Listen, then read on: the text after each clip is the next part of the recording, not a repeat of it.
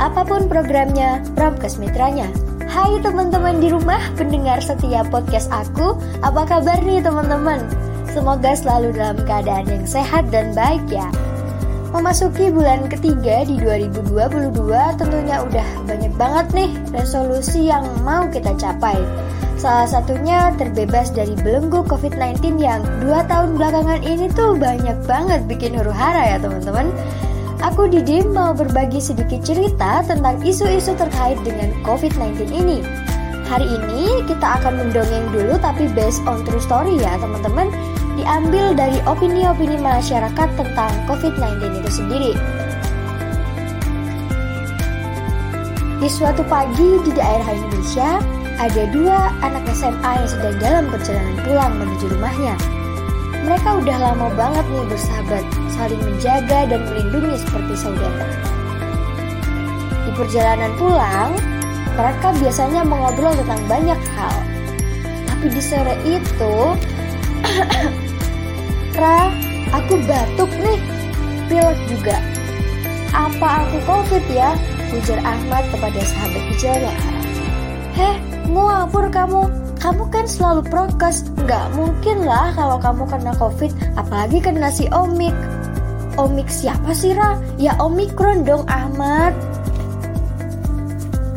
Eh, bentar, Ahmad. Kamu nggak ada gejala lain selain batuk sama pilek? Eh, belum tahu sih, Ra. Emang apa aja gejalanya? Ujar Ahmad kebingungan. Belum diketahui pasti sih Ahmad.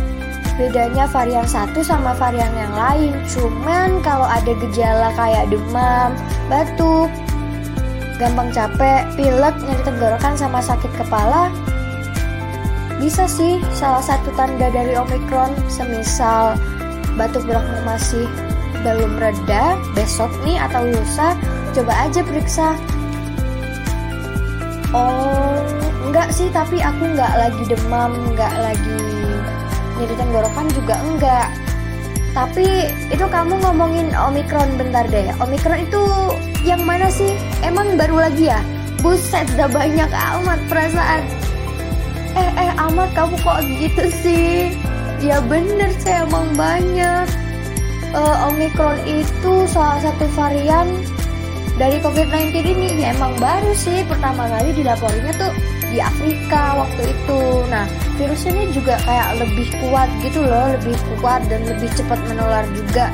Mempengaruhinya tuh ke kekebalan tubuh dari masyarakat, entah itu dari infeksi ataupun vaksinasi. Emat, bentar deh, ngomongin Omikron jadi overthinking. Dih, baru siang-siang ngapain overthinking siang-siang ya ya enggak. Maksudnya gini loh.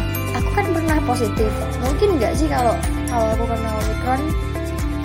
Ya kalau dilihat dari penjelasan kamu barusan ya bisa aja. Dulu kamu pernah kena kan? Waktu itu juga posisinya kamu udah selesai vaksin.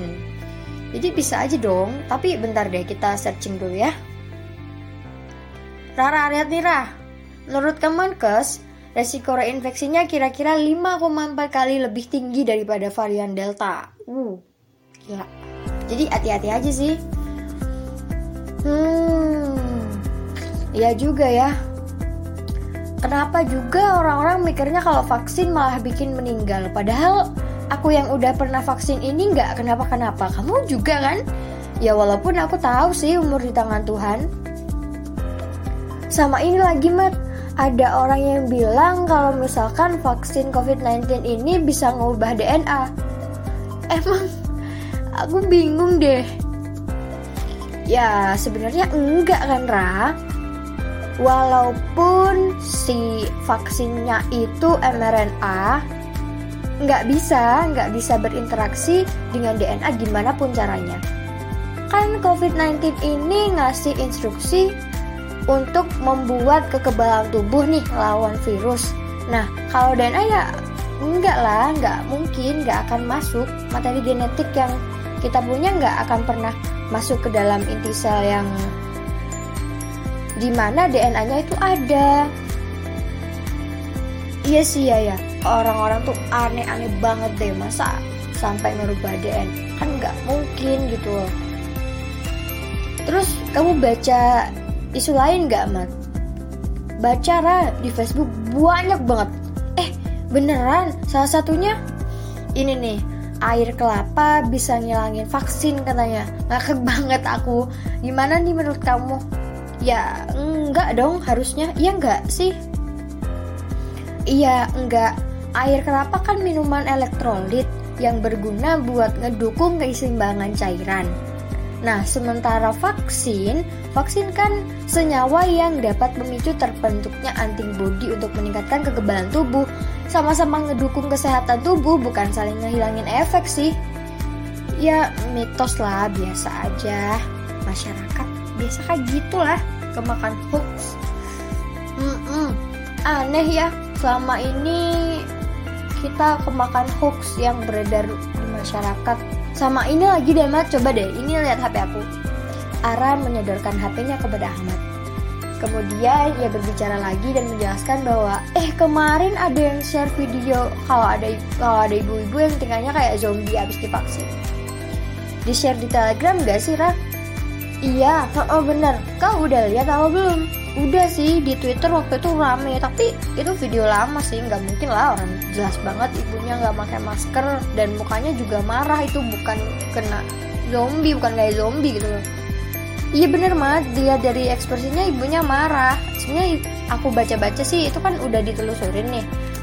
Itu ibunya marah gara-gara nggak dibolehin masuk ke fasilitas publik gitu loh di Amrik. Kan nggak pakai masker. Nah ya marah dong ibunya nggak boleh masuk ya. Masnya juga nggak bisa memperbolehin ibunya masuk kan. Waktu itu juga lagi covid orang videonya pertama kali di upnya tanggal 4 Juli 2020 jelas banget sebelum ada vaksin.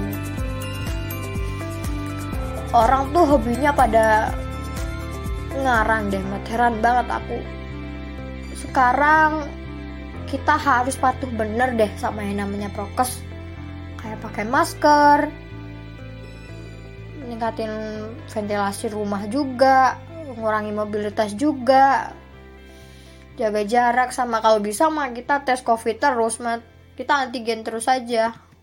Makan buah sama sayur sama kalau perlu sih vitamin ya. Jangan sampai yang ada-ada buat minuman juga kayak kasus ibu-ibu yang nyampurin campuran daun pepaya sama jahe. Bilangnya mah obat covid. Eh emang ada ra yang kayak gitu Uh, uh, bener. Ada si ibu-ibu yang nyampurin itu daun pepaya sama jahe bilangnya obat covid. Padahal kan ya gimana ya Ra? Aku nangkepnya kan si daun pepaya juga nutrisinya bagus. Jahe juga bagus. Mungkin lebih ke imun ya lebih ke imunnya bukan ke penderita omikronnya biar sembuh gitu. Ya gak sih? Iya sih bener. Eh mat udah sampai nih kita. Sampai ketemu besok ya. Ngobrolnya bisa dilanjut by chat aja. See you tetangga. See you juga tetangga. Ahmad dan Ara tiba di rumah masing-masing. Mereka terus mencari info-info terkait dengan COVID karena mereka tidak ingin menjadi pelajar yang terbakar hoax. Oke, okay, Oke, itu tadi cerita dari Ara dan Ahmad untuk episode podcast kali ini. Jadi, sebagai generasi yang tanggap dan cerdas, kita harus bedain nih mana berita hoax dan bukan. Seluruh informasi terkait COVID-19 bisa diakses melalui laman covid19.go.id. Aku Didiem pamit undur diri, sampai ketemu di podcast selanjutnya. Apa pun programnya, Pram Kesmitranya. Salam sehat and stay safe teman-teman.